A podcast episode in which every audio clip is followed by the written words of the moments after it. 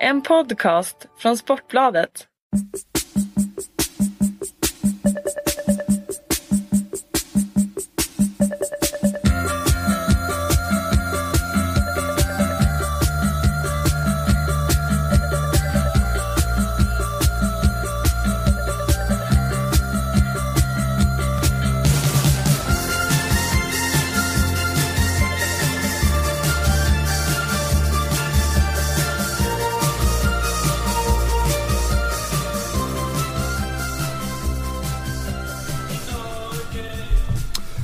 Alla vänner till ett nytt avsnitt av 51% fotboll.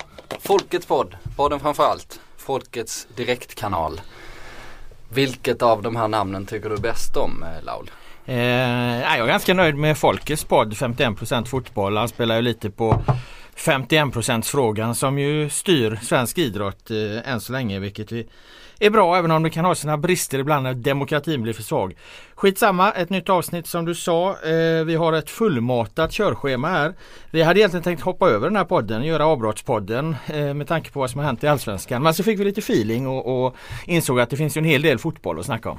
Vi diskuterade ju det om vi skulle var det din idé eller min idé eller var det Simon Banks idé? Ja det kan ha varit eh, vår idé allihopa. Att ja. vi skulle gå in och sätta oss här och, och eh, köra introt, eh, presentera ämnena och sen bara låta det vara tyst i 45 minuter inklusive eventuell tilläggstid. Mm. Och sen ja, komma tillbaks lite kanske i början av andra och sen ett nytt avbrott. Ja. Frågan är hur uppskattat det hade blivit bara. Folk hade nog tyckt vi var idioter på riktigt. Förmodligen, men det kanske hade blivit kul i efterhand. Ja. Det, är lite, lite som den här eh, fika-podden vi gjorde. Så, av de som inte gillar den, vilket var en hel del, eh, så har ju folk garvat lite åt det i efterhand. Absolut. Och då fick vi liksom ett, eh, ett så här nytt lägst, lä, ny lägstanivå och det känns, det känns liksom tryggt att ha den på något sätt. Att, att det alltid bara kan bli bättre. Så är det. På körschemat står om eh, en frågeställning om Blåvitt-fansen är grinigast i Sverige. Eh, har Simon Gustafsson börjat gå i terapi på grund av våran podd? Eh, Johan Oremo svarade eh, en Simon Bank-sågning med ett drömmål.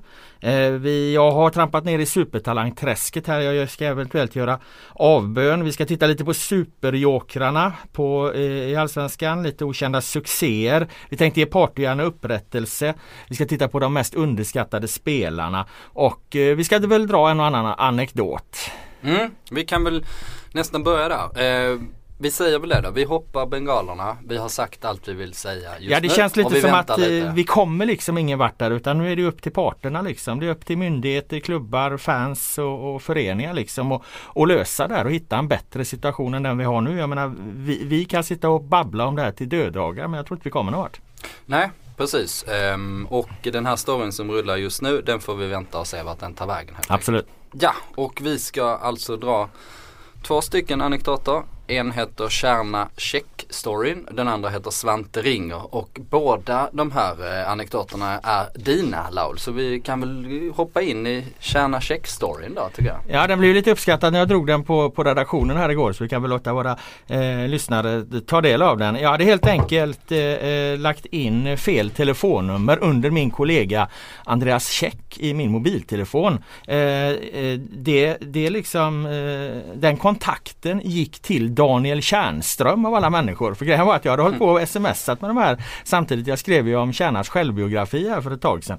Eh, så hade jag liksom, skulle jag bara lägga in checks nummer och, och kollat på några sms som handlar om, om något med AIK där då så trodde jag att det var det liksom. Eh, I alla fall så drog jag iväg på semester till Rom och eh, skulle briefa check om eh, något han skulle hålla koll på. Jag hade fått av cheferna att eh, ja men säg till check ifall det, det liksom bränner till när du är borta så, så, så får check ta hand om det liksom. Ja, så jag skickade två länkar då till vad jag trodde var check men egentligen var Daniel Tjärnström två artikellänkar. Fick svar tack var inte med med det. Jag tänkte inte med på det liksom. Vad var det för artiklar? Nej det var, det var något om eh, AIK vad fan det var liksom. Men i alla fall det var liksom inga konstigheter. Men eh, sen så kom jag hem och eh, eh, Eh, hamnar i en, eh, eller ska skicka iväg ett grupp-sms till, åter till Check och till eh, en av våra chefer eh, som handlar om en sån här sociala mediegranskning vi gör. Jag ska bara säga liksom att fan nu har vi fått tag på Simon Gustafsson här liksom. Han är beredd att snacka lite om det här med, med näthat på Twitter och så vidare. Så jag drar iväg det liksom. Där får jag inget svar liksom. Mm. Där går jag till Kärna då igen liksom. Sen dyker det upp ytterligare en grej då någon dag senare liksom. Och jag, jag ringer till vad jag tror är check då. Inget svar. Så jag skriver liksom sms ring. Och då, då ringer ju eh, check upp efter ett tag. Men det är ju inte check utan det är Daniel Tjärnström som, som ringer till, till mig. Där. Jag känner igen rösten och vad fan är det som händer? Det står check på min mobiltelefon men det är kärna, det är, är kärna i luren liksom. Så att eh, ja, vi lyckas i alla fall reda ut, ut det här eh, missförståndet efter ett tag. Vad jag fick ändrat i, i min mobil och kärna tyckte att det var ganska underhållande. Han anade att det hade, hade blivit något, något galet där va. Det var ju synd, synd att, inte, att ni kom på det då. För det hade ju kunnat få fantastiska effekter det här. Ja det hade ju i ett längre perspektiv så, så hade det kunnat eh, bli riktigt roligt ju. Nu blir det mest en, en, en underhållande anekdot så att säga. Ja särskilt om vi hade börjat skriva om Kärna. Eller Kärna liksom hade hamnat i så här oegentligheter. Ja, något blåsväder av något slag liksom.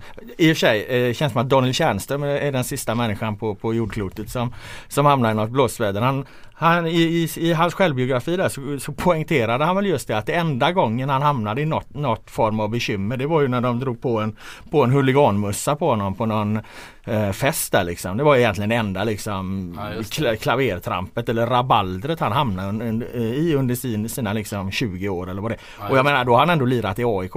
Mm. Och jag menar där, där kan det storma ganska rejält åt alla möjliga håll och kanter. Men han har ju liksom parerat det. Ja det kan man säga. Det roligaste med den anekdoten är nästan att, att om man känner känner lite att han, att han är så väldigt artig och gentlemannamässigt att han bara svarar tack. alltså, ja, exakt. Han blir glad för att få de här länkarna av dig. Ja, det var kul. Eh, det andra var kanske inte lika roligt. Det andra som har hänt här i veckan då, men det var liksom efter eh, eh, Kalmar IFK Göteborg så gjorde ju Kalmar en oerhört blek insats och, och deras målvakt Lars Kramer eh, svarade för en av de sämsta målvaktsinsatserna i Allsvenskan i år. Och, och eller på flera år. Liksom. Ja, det var en väldigt märklig målvaktsinsats.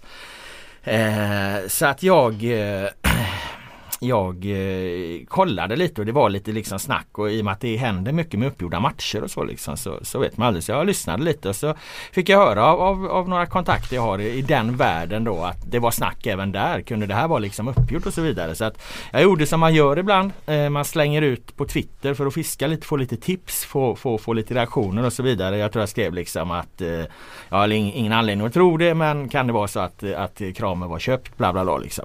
Eh, och det kanske var lite dumt med facit i hand. Jag vet inte riktigt. Det, det, det, alltså jag påstod ju ingenting eller slog fast någonting. Men när du säger att du kontaktar i den här världen beror det på att du har granskat det här väldigt noga eller att det är du som har riggat det här? ja det får jag nog passa på. Okej, okay. ja, fortsätt. eh, nej, i alla fall så, så det gjorde jag då och sen undersökte vi det lite mer och kollade ju så här spelmönster eller förklart för att det var inga onaturliga spelmönster och så vidare. Så att, eh, jag har absolut ingen anledning att tro att Lars Kramer har, har, eh, har varit köpt. Jag, jag, jag tror att absolut inte. Liksom, han hade bara en synnerligen dålig dag på jobbet som vi alla kan ha. Eh, men i alla fall några dagar senare så hade det här, här kommit till Svante Samuelsson då klubb, klubbdirektören i Kalmars eh, kännedom. Så han hörde av sig till mig och undrade vad fan är det här liksom. Eh, och ville väl veta lite liksom vad, vad vad handlar det här om? Hade några indikationer på att det kunde vara så eller sitter du och skriver liksom skit? Eller han var liksom inte arg eller anklagande utan han var han ville liksom förstå vad det handlade om liksom. Så okay. jag förklarade ungefär för honom att, att det var så nu men jag förstod ju på honom när jag pratade att det här är ju ett, liksom ett bekymmer för för klubbarna. Det, det är ju rätt jobbigt för dem liksom att, att det dels kan komma misstankar, dels att det faktiskt liksom förekommer, ännu inte på allsvensk nivå då vad vi vet utan det finns det bara rykten men, men men i Superettan har, har det allt, av allt att döma liksom gjorts väldigt allvarliga försök i alla fall. Nu finns det ju inga fällande domar eller så men, men där, där är ju bevisligen en hel del eh, konstiga grejer som förekommer liksom. Och, mm. och jag menar eh, det, det sprider sig liksom. Så att, I Kalmar kan man ju, ja, förlåt. Nej, kör. I Kalmar kan man förstå att det känns lite också för eh, lider någon läck i, Exakt. I, eh, han nämnde faktiskt det Svante. Liksom, hade ju spelat, ju, ja, spelat i klubben också. Ja. Det var ju han som eh, var i Landskrona sen och som det fanns mycket uppgifter om. Han som och, pratade i Uppdrag granskning då. Exakt, han som när han stod i Pristina, med do, do, Pristina och, och, uh, kunde fixa svenska matcher och sånt ja. där liksom. Så. Så det kan man förstå. Ja så att eh, jag får väl vara lite självkritisk då kanske hur, hur, hur, hur man han, hanterar liksom eh, det. Men ibland så ska det gå fort och så vidare och man behöver snabbt liksom skaffa sig en bild. Där kan Twitter vara liksom rätt bra liksom för att få, få in reaktioner från, från människor. Liksom. Mm. Jag var i Grekland nu för ett tag sedan eh, och tittade på Olympiakos när de spelar hem eh, ligatiteln. Eh, och dessförinnan hade jag träffat lite folk som var så här väldigt mycket Panathinaikos supportrar. Och de var ju helt övertygade om att Olympiakos hade köpt eh, alla sina titlar. Eh, eller alla sina titlar. De hade köpt många av dem. De har vunnit typ 41 så det har blivit dyrt i så fall. Eh, men eh, och, och liksom det eller det beviset då enligt dem var att de alltid vann i ligan men det var Panathinaikos som lyckades bäst i Europa. Eh, och det är rätt många som har en uppfattning och sen gick vi, jag och kollade på den där matchen då när de skulle möta Leviakos eller någonting, det var någon sån mittenlag. Eh, och de säkrar ligatiteln och jag och Kristoffer Bergström, vår eh, kollega, det var vi som var där, det var bara en semester. Men eh, vi tänkte, vad fan det är något som inte stämmer här liksom. Det är någonting som är väldigt, väldigt fel i den här matchen. Eh, Och sen då tittar vi ändå med ganska öppna ögon på något sätt liksom. För att när vi varit ute med de här Panathinaikos eh, supportrarna och några basketspelare från Panathinaikos tänkte vi att ja, de har nog en ganska tydlig agenda. Mm. Men när vi sett första halvlek så var vi helt övertygade om att den här matchen är ju rikad. Den är köpt. Alltså man kan inte springa runt och försvara på det här sättet. Liksom. Man kan inte försvara så lagom mycket. Man kan inte gå in och halvtackla på det sättet. Man kan liksom inte hålla sin position så noga utan att göra mer. Liksom. Och eh, de visar liksom inga känslor överhuvudtaget. Målvakten var ute och tog med handen utanför straffområdet och så här liksom. Det, ja.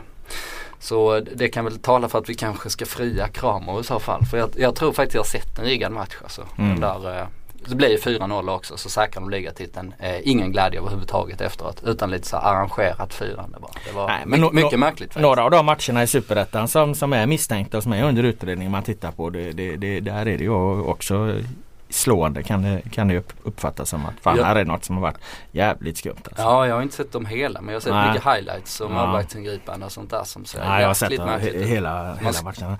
Man ska eh, nog inte vara så naiv i vart fall. Nej det ska man inte vara. Och grejen är ju också att det kan ju vara så här att eh, eh, när det spelas på hur många mål det ska bli en match så kan det vara rätt svårt att bedöma för då spelar det, då kan liksom Då kan ju anfallarna i ett lag vara helt ovetande om det. De kör som tusan och mittfältare de kör som tusan liksom för att göra mål. Och medans eh, eh försvarare, målvakter lökar liksom. Alltså för det spelar ingen roll om, om laget gör mål. Liksom. Det ska bli över tre eller över fyra mål och så. Då, då, då går du liksom och, och, och Eh, då, då, blir bilden lite som man tycker att fan, men, ja, men de gör ju allt för att vinna. Ja det gör de men de gör också allt för, liksom, för att släppa in mål. Mm. Ja det är sant. Eh, det var ett sidospår. Har du, inte du någon anekdot att bjuda på? Eh, nej, inget alls. Jo men jag, det, min anekdot fick bara bli den här lilla från eh, ja, men jag tänkte från den verkliga världen liksom. Eh, våran allsvenska som vi ja. befinner oss i. Ja vi, vi, vi får se. Jag brukar säga, vika ut mig ganska långt i vissa grejer så det kanske dyker upp någonting. Jag kan hjälpa dig med en. Eh, det verkar ju vara så att du har kvinnorna på din sida och jag har Glenn Hysén. Mm -hmm. Ringer inga klockor? Nej jag tänker att Glenn Hysén röstar på dig som årets sportjournalist. Ja exakt. Och, jag... ja, och SVTs Elena Lövholm skickade ut eh, sin sån här hur hon hade röstat i den här svenska fansomröstningen där hon hade Oskar Månsson tror jag som årets sportjournalist alla kategorier. Ja, så, så, det, så, det verkar som att du har kvinnorna på din sida och jag har eh, Glenn. Ja, nej, men det är väl en rimlig, rimlig slutsats av det där. Det är inget Inget generaliserande eller något sånt där? Som... Nej jag känner att det spelar ingen som helst roll hur det går i den här eh, tävlingen. Nu har du Glenn Hysén på din sida liksom så, så, så kan du vara jävligt nöjd med det. Ja det är sant. De är ju rätt, eh, det är lite märkligt att vi redovisar vi själva röstar för man röstar ju bara på sina kompisar ändå. Ja, jo, och jag är ju kompis med Lennart. Nej jag röstar inte på det. Jag tycker egentligen att det där är ett liksom ett Det där är ju ett eh, fejkpris eller vad ska man säga. Det är ju en reklamkampanj för svenska fans. Det är ju jävligt smart för att eh, Ingenstans får de ju så mycket gratis uppmärksamhet som när de gör det här. Liksom. Det är alltid några stora journalister som vinner det här och då liksom blir det eh, artiklar i, i de journalisternas tidningar. Liksom. Så att det är ju extremt smart sätt liksom, att, att marknadsföra svenska fans. Mm. Jo det är det absolut. Sen, eh, ja och det, det, är ju vad det är. Men sen vill man inte underkänna det helt. Det finns ju många så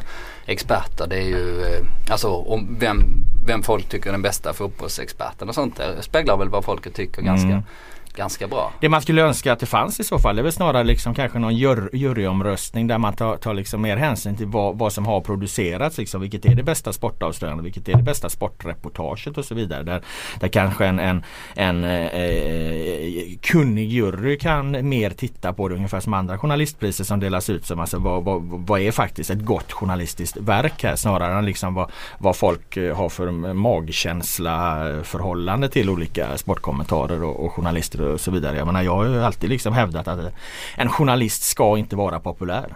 Nej.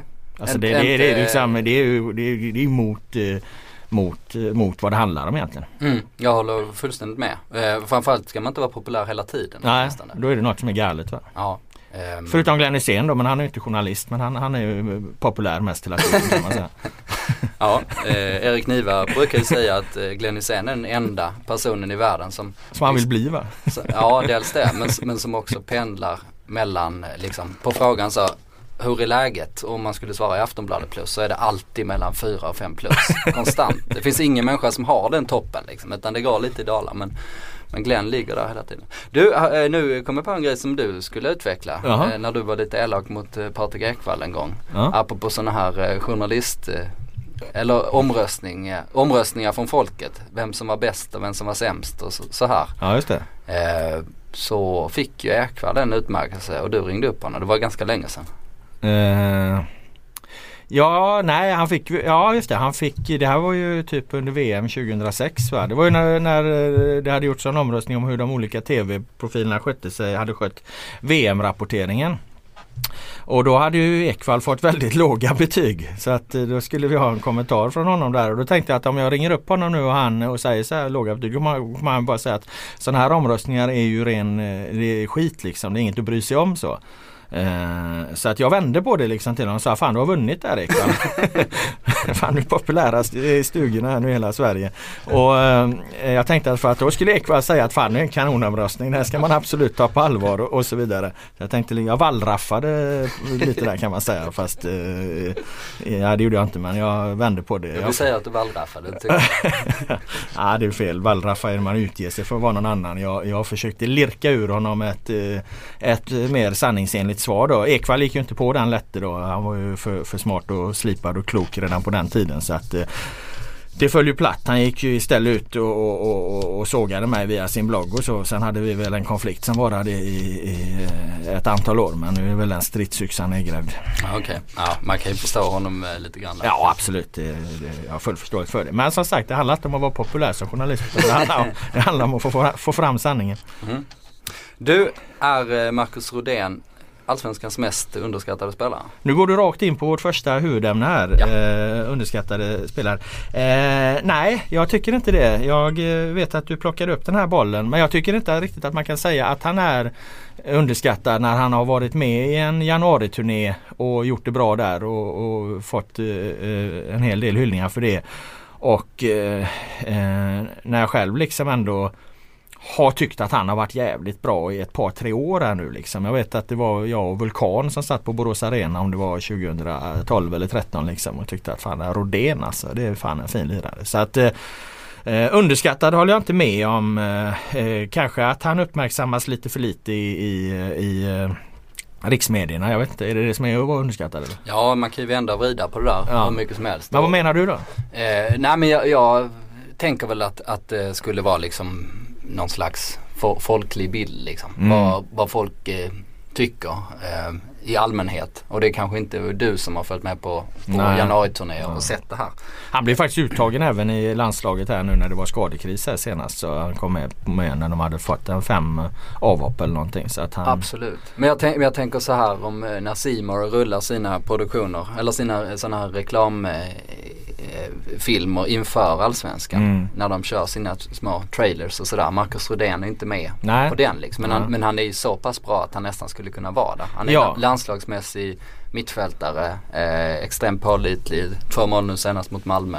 Eh, liksom mång, mångsidig eh, och sådär. Men han, han har väl kanske en personlighet och, och, en bakgrund som kanske inte sticker ut sådär jättemycket. Nej. Liksom. Sen tror jag att det är att han har fått liksom, han har fått det där genombrottet i lite fel ålder. Han var lite äldre när han slog igenom. Ja. Vad är han nu? Han är väl ändå en 25 24 måste han eller liksom. ja. Eller ja, 24-25 där liksom. Och, och blir ju riktigt bra då lite senare än vad, vad man kanske eh, brukar bli. Ofta blir det ju stor uppmärksamhet när man slår igenom eh, ju yngre man är.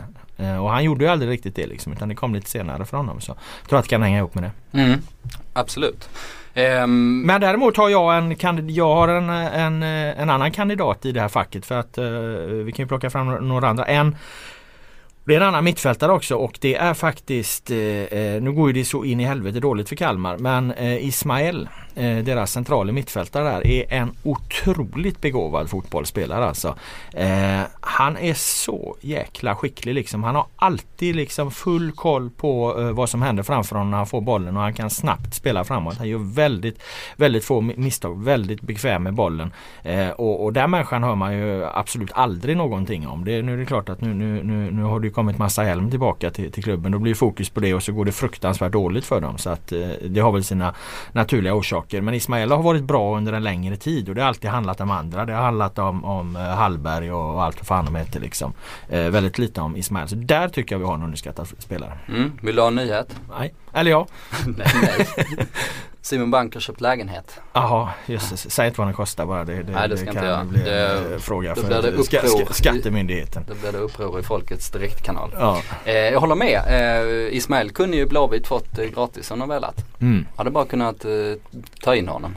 Eh, för att eh, Donald Hellström, om du känner till Jo den här, jo då. personen. En, en liten doldy som har liksom bott i Brasilien länge. En eh, lite äldre svensk man som har slussat in brassar eh, ja, sen man började slussa in brassar i Mm. Allsvenskan ungefär. Och han eh, hittade väl Ismail någonstans. Och, och lite andra spelare. Sen så ville han skicka dem till Sverige så att de kunde få provspela då. Men, men Blåvitt nobbade helt och hållet. Eh, Mild, Håkan Mild som var sportchef där. Var inte så intresserad. Så då blev du vidare i provspels, eh,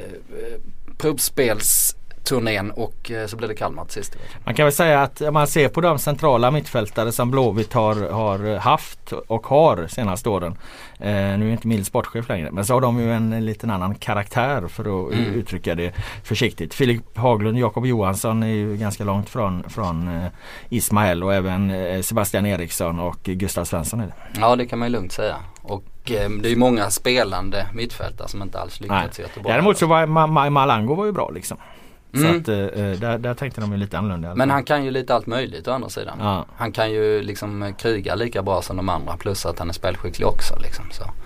Eh, Ingen lista är komplett utan att man har tre namn. Har du ett, ett, ett tredje namn som, som vi eventuellt skulle kunna kalla var, ja, var lite underskattad eller har gått under radarn? jag slängde ut frågan på Twitter och då svarade typ 85% Nils-Erik Johansson. Så, eh, men det kanske säger mer om min lista eller? Ja det säger väl kanske mer om att eh, oavsett vad man slänger ut för fråga och ska lyfta fram någon i något eh, eh, positivt sammanhang som berör så, så är Nisse en kandidat. Ja, ja faktiskt. Han har gjort en väldigt bra säsong än så länge. Ja det har. Nästan sin, det- sin bästa nä, Nästan aldrig sett honom bättre. Nu är han ändå 30, 35 år. Han är inte snabbare nu än vad han varit innan. Nej. Han är dessutom med, vi sitter ju med ett längre stort eh, jäkla projekt här. Eh, 100 allsvenska höjdare. Vi går igenom allt roligt som hänt i allsvenskan under 2000-talet och där kan jag avslöja att Nisse har en god och stabil placering eh, för en händelse och han ligger någonstans mellan plats 30 och 40 vill jag minnas. Att han ligger ganska högt upp på en, på en, en hundralista där över de roligaste ögonblicken i, i allsvenskans historia. Och du ska inte avslöja mer än Nej, jag kommer inte avslöja mer. Så det går igång på måndag. Då börjar den här hundralistan publiceras så att eh, ni får hålla ut till dess. Ja, eh, Totte Nyman var det några som eh, föreslog också. Ja, det är Men- väl intressant att komma men- in på, eller? Mm, Ja precis. Eh, men eh, jag tycker att Emil Kujovic är ännu mer underskattad. Jag tycker han är en av Allsvenskans bästa anfallare. Han gjorde, Absolut. gjorde 11 mål i fjol med en hackig säsong. Har redan gjort fem mål i år. Alla på bortaplan konstigt nog. Eh, och eh, liksom eh, jävligt konkret och skicklig. Eh, nyttig, smart spelare som jag tycker väldigt mycket om. Han får ganska lite cred. Han kommer göra 15 mål i år och det är Mm. inte så många andra anfallare som kommer göra det. Nej. Får jag eh, göra en radioövergång där då när du ändå nämner både Nyman och Kujovic som ju är IFK Norrköpings eh, anfallspar. När ska vi börja kalla det poddövergång? ja det vet du fan. Men eh, är inte det här det totala beviset? För det här är ju ett av Allsvenskans bästa anfallspar eh, just nu. Det går Mm. inte att säga liksom. AIK har ju stora problem med dem och, och, och alla lag har egentligen problem med, med att hantera de här. De är ju en, en bidragande eh, del till IFK Norrköpings eh, ändå fina säsongsinledning får man säga. Är det inte dags att ge Partygranne den totala upprättelsen här? Jo, kanske. Jag menar han fick ju något så in i helvete med skit eh, med den här Isak Kiese. Eh, när de släpper iväg honom till Malmö FF och han senare säljs för 40 miljoner och så vidare. Alltså när man ser vad Nyman och Kujovic gör nu så, så går det ju ändå att förstå hur Janne tänkte där liksom. För att han hade ju inte breakat i, i Norrköping. Thelin. Han ville ju själv iväg. De hade fyra anfallare. Vi hade ju Kamara där också liksom. Och så ska du någonstans, vad fan ska du satsa på liksom? Det var inte så att Thelin inte fick sina chanser. Och det var inte så att Norrköping ville bli av med honom. Utan det var kanske att de, de satsade inte till 110% på Thelin och då hamnade han istället med, i Malmö och de gjorde den här fantastiska affären. Och nu ser man vad, vad, vad Nyman och Kujovic kan leverera liksom. Så förstår man ju ändå att här är det ändå ett fotbollsöga som har, har tittat och funderat på saken i Portugal. Mm.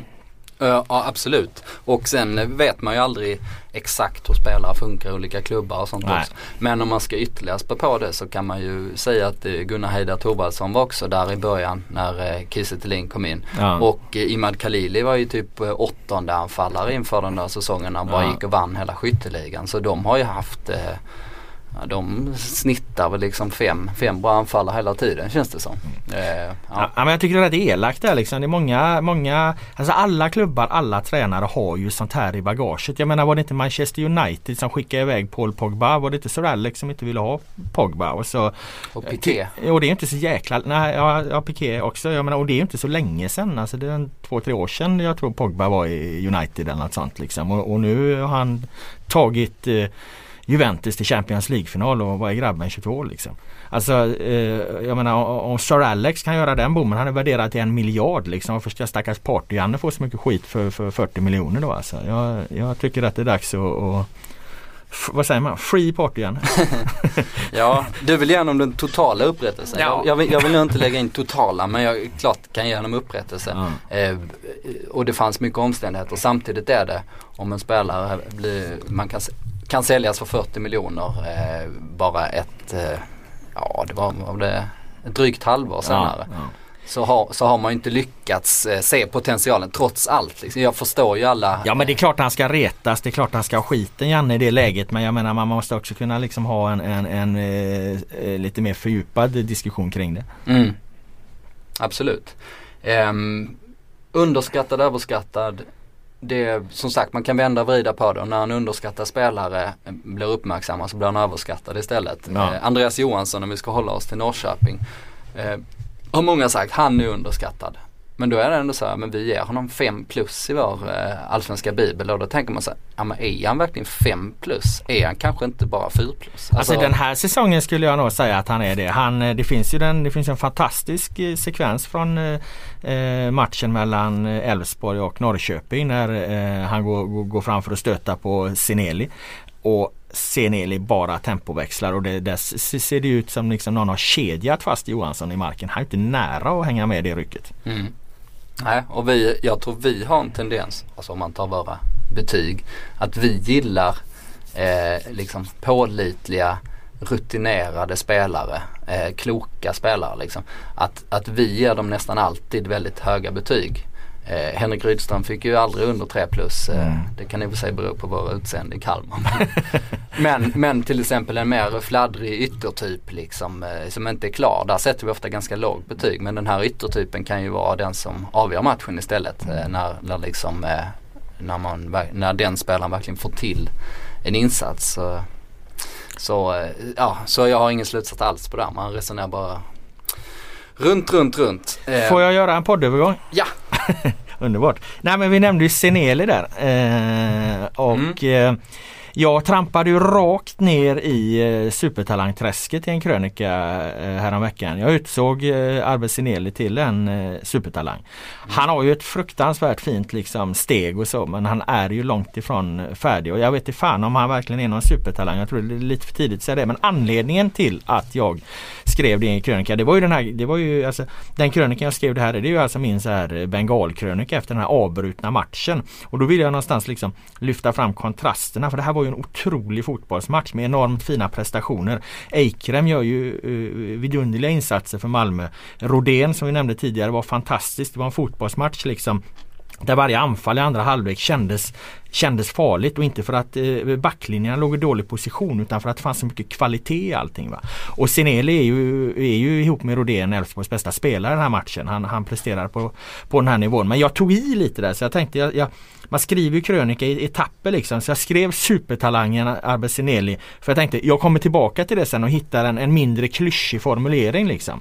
Men sen så går det fort och, och saker ska in och så vidare. Så jag glömde helt enkelt av det. Så nu står du där liksom i eldskrift att han är en, en supertalang. Så det riskerar jag att få checka upp. Men, men han är jävligt fin att se på alltså. Mm. Kontentan av det här är att vi aldrig någonsin mer ska skriva supertalang. Nej jag vet men jag, var, jag, man kan säga att det var som, en, det var som en, en, en anteckning i krönikan att jag ska återkomma där och, och hitta en jävligt bra beskrivande eh, en jävligt bra beskrivning av Sineli hur, hur duktig han är liksom. Ja. Men inte just det här. Men så glömde jag av det. Nej.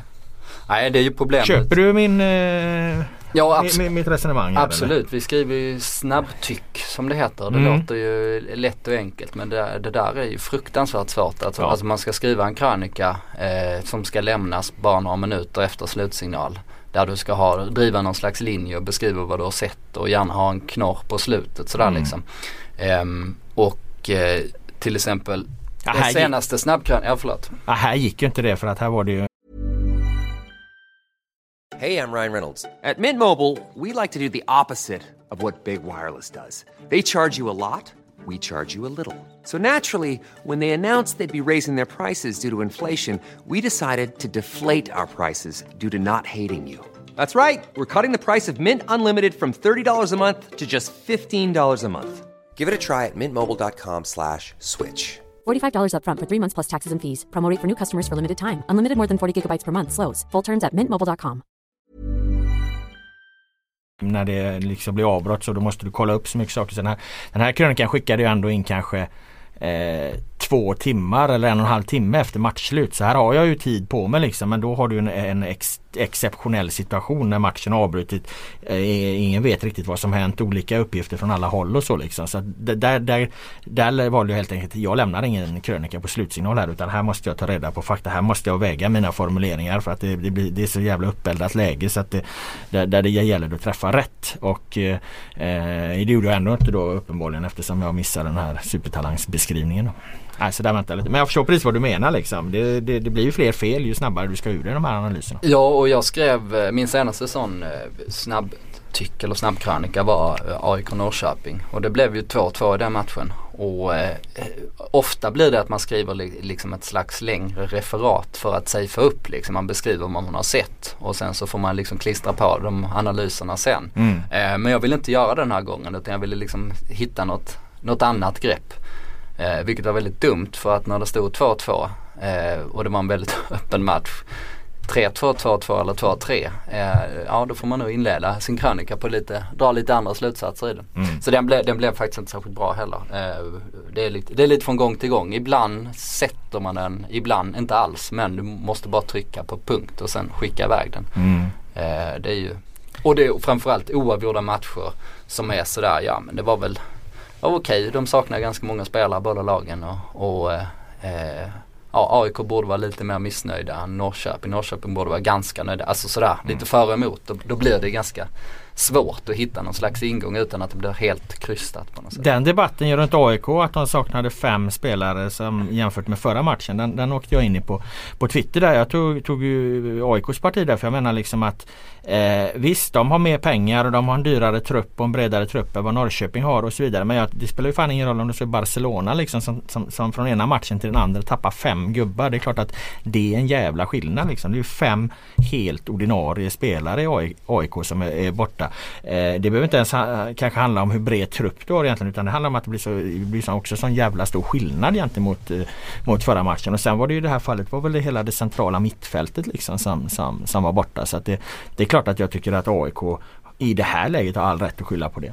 Mm. Och så jäkla dåliga är, Norrkö- är ju inte Norrköping och så stora skillnader är det ännu inte i Allsvenskan. Så att, så att med AIK med ett, med ett halvt ordinarie lag kan, kan gå ut och köra över ett Norrköping som har feeling och flyt. Nej, och det var, du sammanfattade min krönika ganska bra. Ja men då var det en bra krönika då. Ja, okej. Däremot, Ja, missade den. däremot skrev jag inte i första läget för det var faktiskt att Norrköping saknade flera viktiga spelare. Ja det gjorde de också. De var mer långt, ja det var ju mer Det var väl två gentemot förra matchen och sen så är det ju Bärkroth då som är långtidsskadad. Så jag vet inte om man ska Ja, räkna honom Sjölund var riktigt. också borta Ja. där. Så. Mm. Men, eh, men det var ju några som högg på det. Ja. Och det var ju jävligt rimligt. Det borde man ju fått in på något sätt. Men i, ma- men i och med att det var liksom, man utgår från ena laget, tittar på vad de saknar och det är lite de som har underpresterat och blir, blir det så. Men men. Ska vi ta och vandra vidare i vårat körschema här. Eh, Du har skrivit upp en eh, punkt som heter Superjokrarna i Allsvenskan och eh, eh, eh, det är väl faktiskt ett ämne du får hålla i där för att eh, det tror jag att du har bäst koll på. Ja, eh, ser till och med att jag skrivit superjorkarna. Superjorkarna.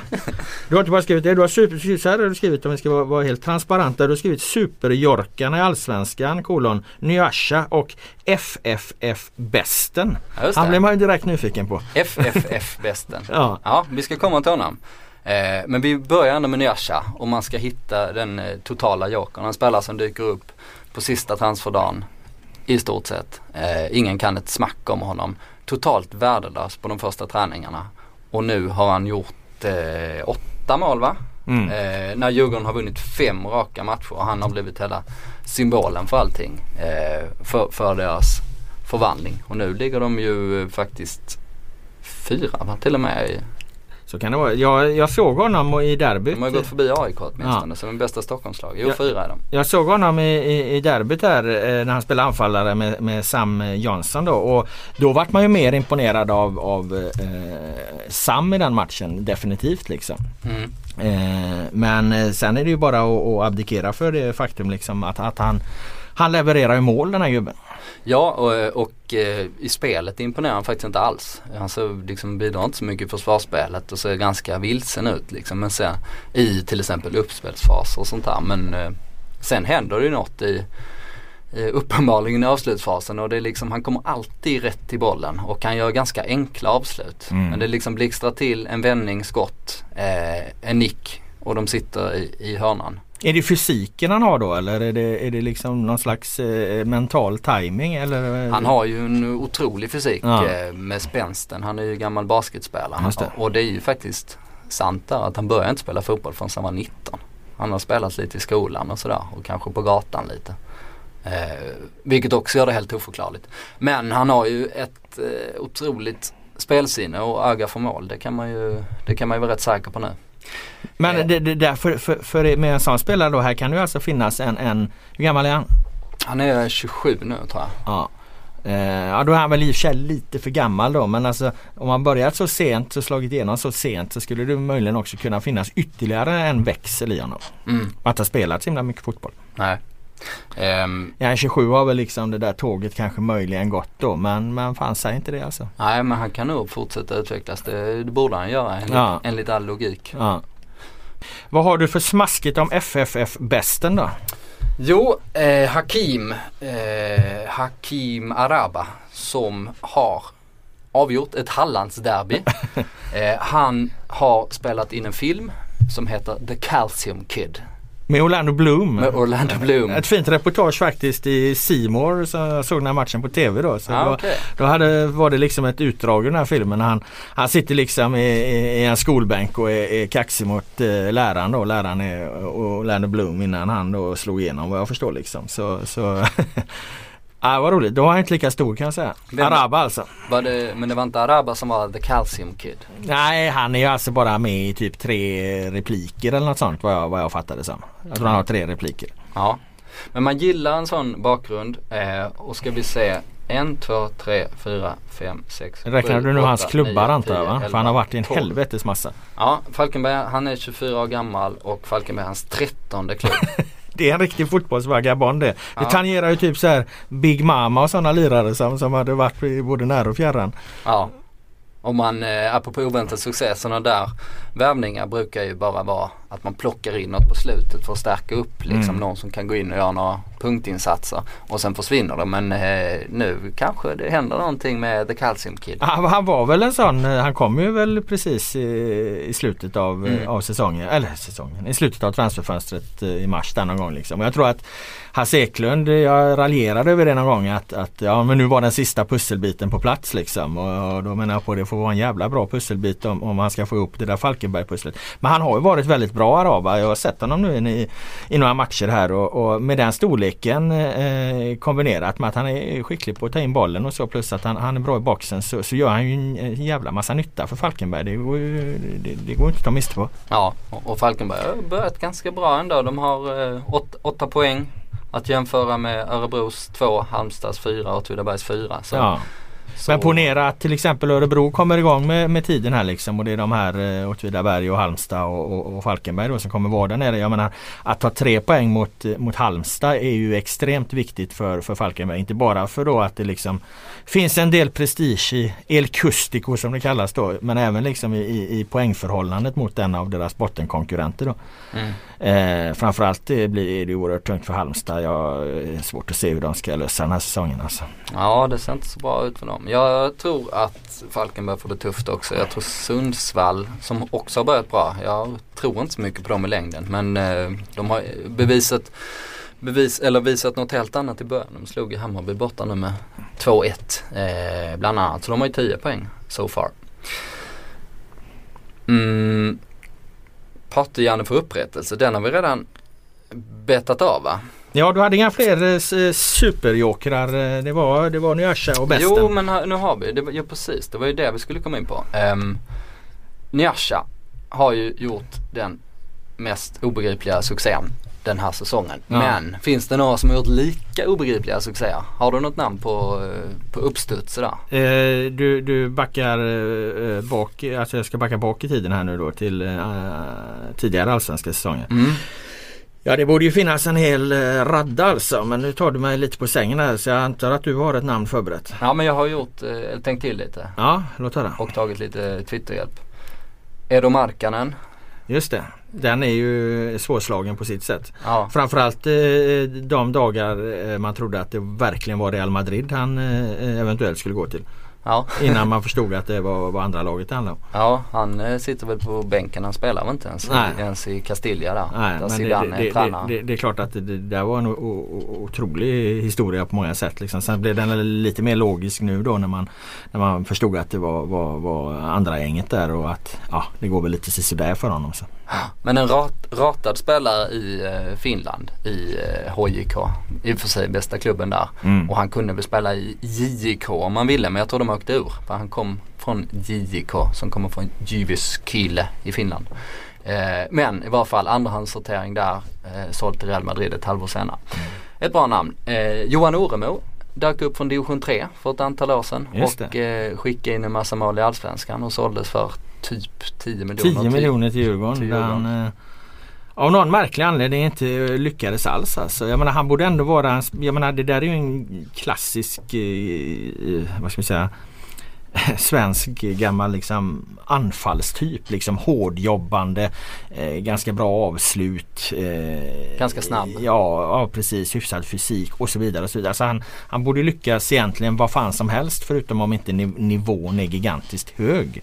Eh, så att han, eh, det, det, där måste det vara ett- något med, med att han liksom inte pallade det där mentalt på något sätt. Mm. För att annars borde han ha lyckats. Liksom. Okej att någon sprattelgubbe inte alltid går så bra mm, när man kommer till lite bättre lag och så vidare. Men jag menar vad fan, vad, Johan Oremo borde ju ha absolut haft alla förutsättningar att göra det bra i Djurgården. Ja, eh, där, när Simon Bank var med och vikarierade i den här podden Mm. så skulle han beskriva skillnaden mellan typ högsta nivån och allsvenskan och då drar han upp ett exempel på när Liverpool tappade boll till Frank Lampard och eh, hur alla fick panik liksom när han kom i ett skottläge även om det var från 35 meter eller någonting. Eh, och då eh, sa Simon, samma sak händer ju inte om man ger bollen till Johan Ormoninho Skojar lite om det. Men vad hände nu förra omgången? Ja herregud alltså. Det small på Olympia kan jag säga. Ja en riktig gammal klassisk vristfrispark. Ja. Pang upp i krysset. Men vad jag reagerade på där, för den matchen såg jag också på TV. Alltså,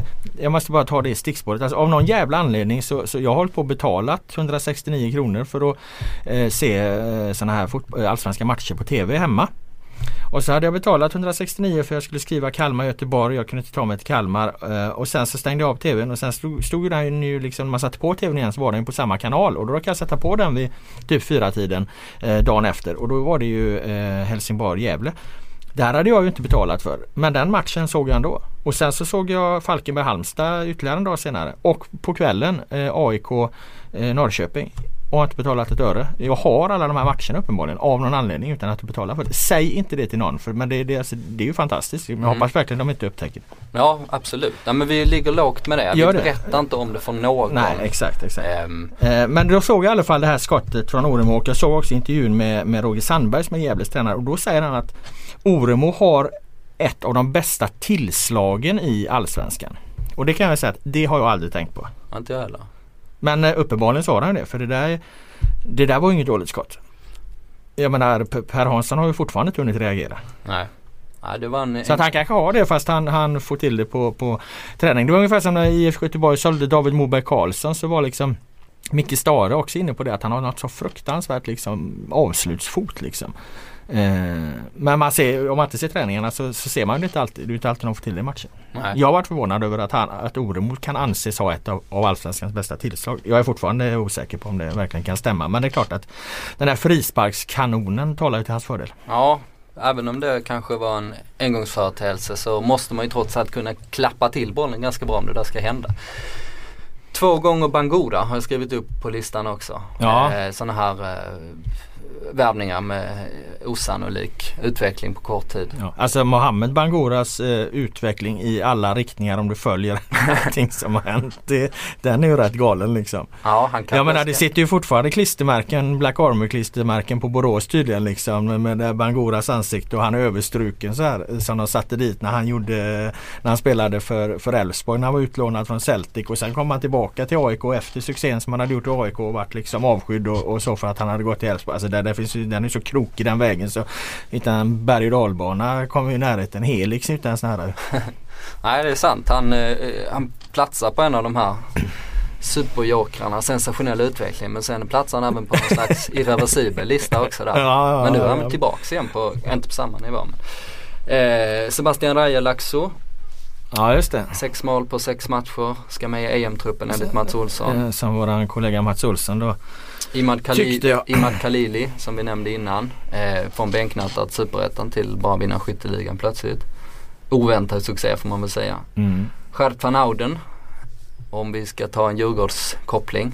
Var väl också en gubbe som få trodde skulle gå in. Men han hade väl ändå en del meriter eller han hade väl ändå liksom en erfarenhet från spel i högsta holländska ligan och så. Att han kommer till allsvenskan och, och, och hänger in en och annan balja. Det är väl inte på, riktigt på den nivån eller? Nej det kanske inte var så. Men han gjorde ändå så åtta mål på de sex första matcherna. Ja. Eh, och folk hade inte en susning om vem han var. Nej. Och han såg, han såg oss- lite slö ut sådär också. Ja, men det fick de snart veta för det var ju en jävla, eller är en jävla skön lirare vid sidan av. Ja, Ro- rolig figur. Ja jag har förstått det. Har du någon anekdot? Nej, ja den som spontant eh, kommer upp vet jag inte om vi ska dra. Men eh, det, det finns nog mycket att skoja och säga om honom. Jo men kör det. Nej, nej för fan. Okej. Gå vidare på listan istället. Ja, eh, listan var slut där. Okej, så är det ibland. Vi tog, vi, tog, vi tog det lite snabbt. Fan. Simon Gustafsson har gått i terapi. Beror det på Folkets podd? Var inte det här en hemsk skarvning egentligen? Av eh, den artikeln. Han hade väl pratat med en, eh, en idrottspsykolog de hade i klubben, var det inte så? Jo. Det är väl sånt man gör liksom lite från och till eller? Ja. Så, Så, att jag tror inte att det beror på folkets podd på, för att besvara din fråga. Nej, och eh, nej precis. Så Okej, han kanske inte har gått i terapi Nej. och, han, eh, och det beror inte på Folkets podd. Nej. Men jag var ju tvungen att ställa frågan. Ja, absolut. Nej men däremot gör han väl helt rätt kanske och, och, och eh, erkänna situationen för sig själv att han har varit eh, eh, jävligt frustrerad och jävligt påverkad av, av Häckens eh, kräftgång. Nu var han ju liksom Det var ju intressant när eh, Örebro, när Häcken och Örebro möttes här nu i den här omgången. Då 2-0 till Häcken. Ja, 2-0 till Häcken. Häcken vinner liksom och, och kanske är på, på bana igen. Efter en eller två minuter tror jag det. Så kommer ju Nordin Gerzic i en stenhård tackling på Simon Gustafsson bakifrån. Han liksom sopar på honom på, nere vid sidlinjen. Helt meningslöst alltså. Det finns liksom ingen, finns ingen bollvinst att göra. Det finns inget farligt anfall att, att, stoppa. Man kan tycka att det är en idiottackling av Nordin Gerzic. Men varför tror du han gör det? Jag tror Alexander Axén har sagt till honom. Exakt, exakt. Ja. på den där nu. Får han nu balans direkt liksom. Utnyttja det. Ja, Men han gick inte i den här fällan kanske eh, Simon Gustafsson då alltså utan han eh, gör en bra match liksom och höll väl sig från varningar och, och Häcken vinner och så vidare så kanske har det här samtalet med, med klubbens egna i- idrottspsykolog då hjälpt. han verkar ju resonera rätt klokt över det också i och med att, i och med att han eh, berättar om det och säger att jag har, eh, ja han han insåg det att han har varit alldeles för eh, gnällig och tjurig eh, och inte i balans. Så nu måste jag jobba med det här helt enkelt. Mm. Och då är det ju faktiskt inte större grej än så. Det är ju trots allt ingenting som har hänt så att säga. Utan det är att han behöver kyla av sig, tänka igenom saker och börja om igen. Och sen är han bara tillbaks på banan tror jag. Ja. Och det är vi glada för för att eh, eh, där har vi en supertalang där vi kan stå för epitetet. Det tycker vi fortfarande att han faktiskt är. Ja, faktiskt. Det tycker jag. Och Häcken har ju studsat tillbaks. 11 poäng har de nu från Mm. en katastrofinledning med deras mått mätt får man väl ändå säga. Och eh, ja, det är ju faktiskt inte steget så långt. Då har de till exempel 4 poäng upp till AIK på en 50 plats och då är de kanske ungefär där. Eh, eller typ en femteplats Mm. var väl, eh, Ja. var väl rätt rimligt att man kan tänka sig att de hamnar. Eh, utmanar till, eh, till de fyra topplagen men kanske inte riktigt mer. Men ja, apropå att allsvenskan känns mer skiktad än tidigare. Jag Mm. ville att de skulle sluta spela till och med. Så.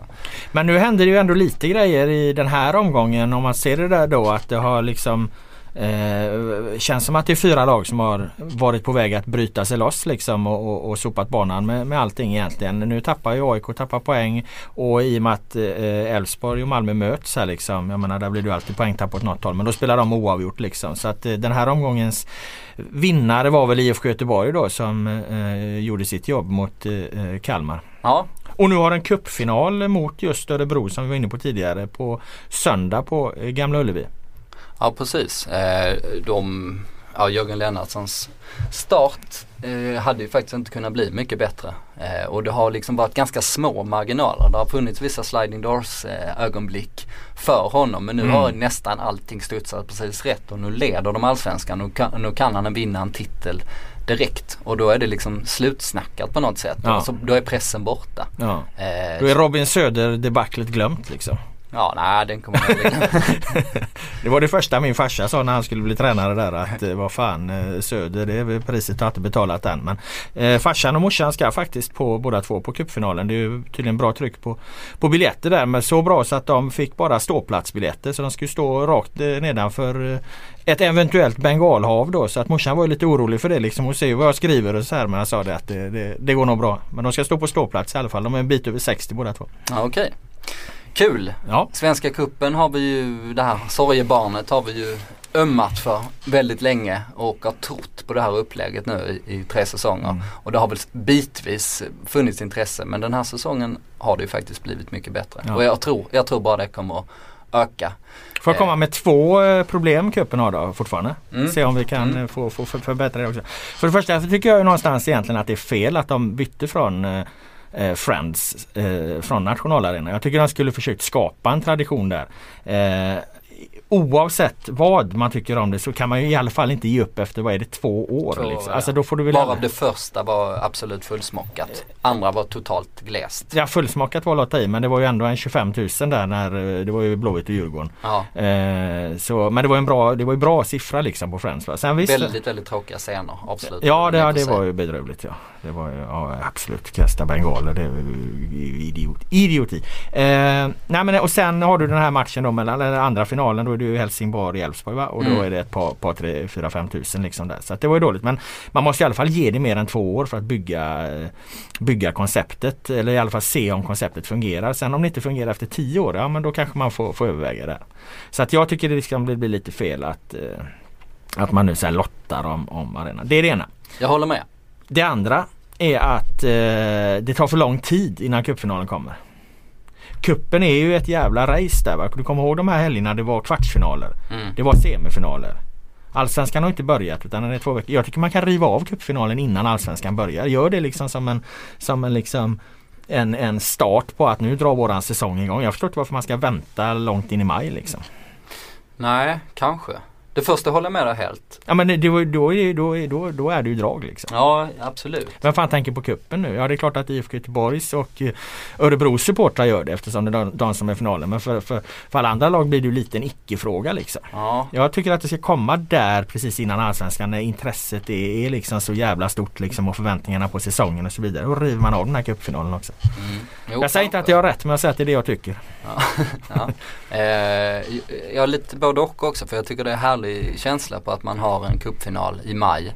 Jag vill också ha den på nationalarenan Mm. eh, och bygga en tradition där. Men i maj när det är liksom fint väder och man ska lo- locka mycket folk liksom. Eh, det kanske man gör bara för att intresset är så, så stort som det är inför en säsong. Mm. Eh, men man spelar på en bra plan och sådär liksom. Eh, ja, jag är nog lite, lite både och där.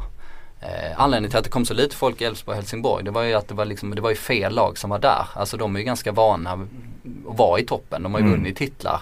Eh, de hade ganska långt dit och jag tror den låg lite knepigt i, i schemaläggningen också. För jag tror att hade vi haft ett lag som varit lite närmare Stockholm och ett skrällgäng som kommit dit. Då hade Mm. nog folk kunnat vallfärda dit på ett helt annat sätt. Så eh, det var alldeles för, för kvickt att tappa den tanken. Dessutom är det ju sportsligt rättvisa som man bara är där. Eh, förutsatt att inte AIK går dit för då har de såklart en, en fördel. Men eh, ja, håller med dig om det. Bra. Eh, Men! Nähä, jag kände att vi var, skulle avrunda men vi har Nej det ska vi inte. Nej, vi ska okej. ha en grej till. Låt höra. För nu har Göteborg tabellraden 8 matcher, 6 vinster, en oavgjord, en förlust. 12-4 avsnitt. 12-4 i målskillnad. 19 poäng, en cupfinal som kommer upp. Och ändå så är Blåvitt-fansen griniga i Just Sverige. det, just det. Det är intressant. Eh, Enligt din spaning. Absolut. Eh, det är alltid liksom vanskligt att här liksom och, och eh, värdera liksom supportrar utifrån de reaktionerna du själv får för att eh, det går väl egentligen inte att göra eh, några större slutsatser av det. Men min spaning är nämligen så här liksom att jag har jag har liksom i lite olika omgångar känt att ja nu är det det här lagets supportrar som, som, som eh, gnäller mest liksom och nu är det det här och ofta hör det faktiskt ihop med framgång. Eh, jag vet att Djurgården till exempel Ingen gång var det ju så himla mycket eh, eh, negativa reaktioner och, stön och, och stånk liksom mot, mot en journalist eh, som när Djurgården var på sin topp. Va? För att då blir det någonstans liksom, då, då, då förväntar de sig att man ska skriva bra, bra om dem i precis i, i alla lägen liksom. Och det är klart det blir alltid mer positiva skriverier när det går bra för ett lag. Men, men det kan ju inte bli, bara bli det för jag menar det kan ju hända, hända saker ändå och framförallt så ju bättre ett lag är ju mer höjs ju egentligen liksom ribban från oss. Jag menar, det finns ju inget lag som får så mycket skit som Brasilien till exempel. Och det är ju för att de, alla har en bild av att fan det här är världens bästa lag. Men Det är alltid rätt att sparka uppåt. Så att eh, eh, eh framgång är inte liksom per automatik att, att medierna alltid ska liksom hylla och så vidare. Utan det, det öppnar också för att nu ska man faktiskt liksom ställa ännu högre krav och så vidare.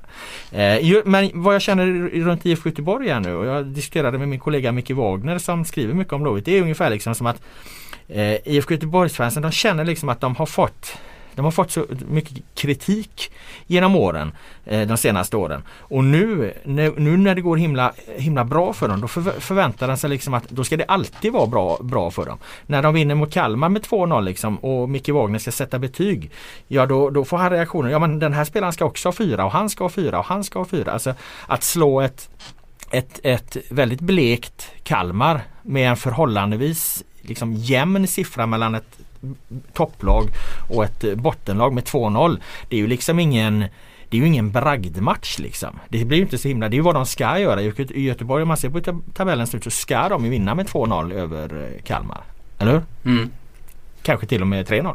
Om man tittar på, på skillnaderna i, i tabellen. Och de åker dit och gör jobbet. Jag menar då blir det två och tre betyg och Gustav Svensson kanske vilken fyra liksom. Okej. Det är inte så mycket mer.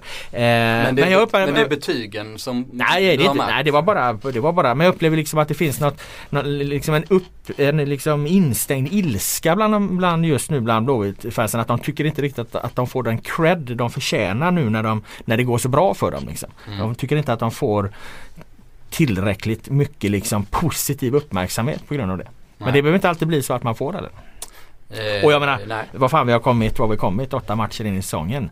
IFK Göteborg har gjort en fantastisk start på den här allsvenskan. De är i cupfinal. Det är väl eh, det lag liksom som, eh, som går bäst just nu får man väl säga då. Men eh, för det så hänger det inte alltid samman med att de, de förbehållslöst ska hyllas i alla lägen. Men jag tror att supportrarna känner att fan det borde vi göra liksom. Nu jävlar nu ska vi få all den, den liksom cred som de tycker att de förtjänar. Mm. Jag vet inte vad du har för upplevelse av, av, av gnälliga supportrar. Alltså gnälliga låter som ett negativt uttryck. Alltså jag gillar ju den här eh, jargongen som är mellan eh, media och fans. Jag menar fans ska gnälla på journalister. Det, det, alltså, det, det är fundamentet för allting. Alltså de ska gnälla på oss. De ska inte hålla med oss. Vi ska inte vara överens och så vidare. Så det, det ingår. Det är så det ska vara. Men man kan ändå gradera det. Man kan väl tänka sig också, eh, apropå det här eh, Eh, åtminstone när vi sålde papperstidningar så var det vi sålde väldigt mycket om i ett område där laget hade vunnit. Mm. Folk vill läsa. Om de förlorar så tror jag folk skiter i det men sen när de läser då vill de liksom götta sig i det, slicka i sig allting och, Mm. och är inte allting frid och fröjd om betygen är lite låga då är det väl kanske det man anmärker på.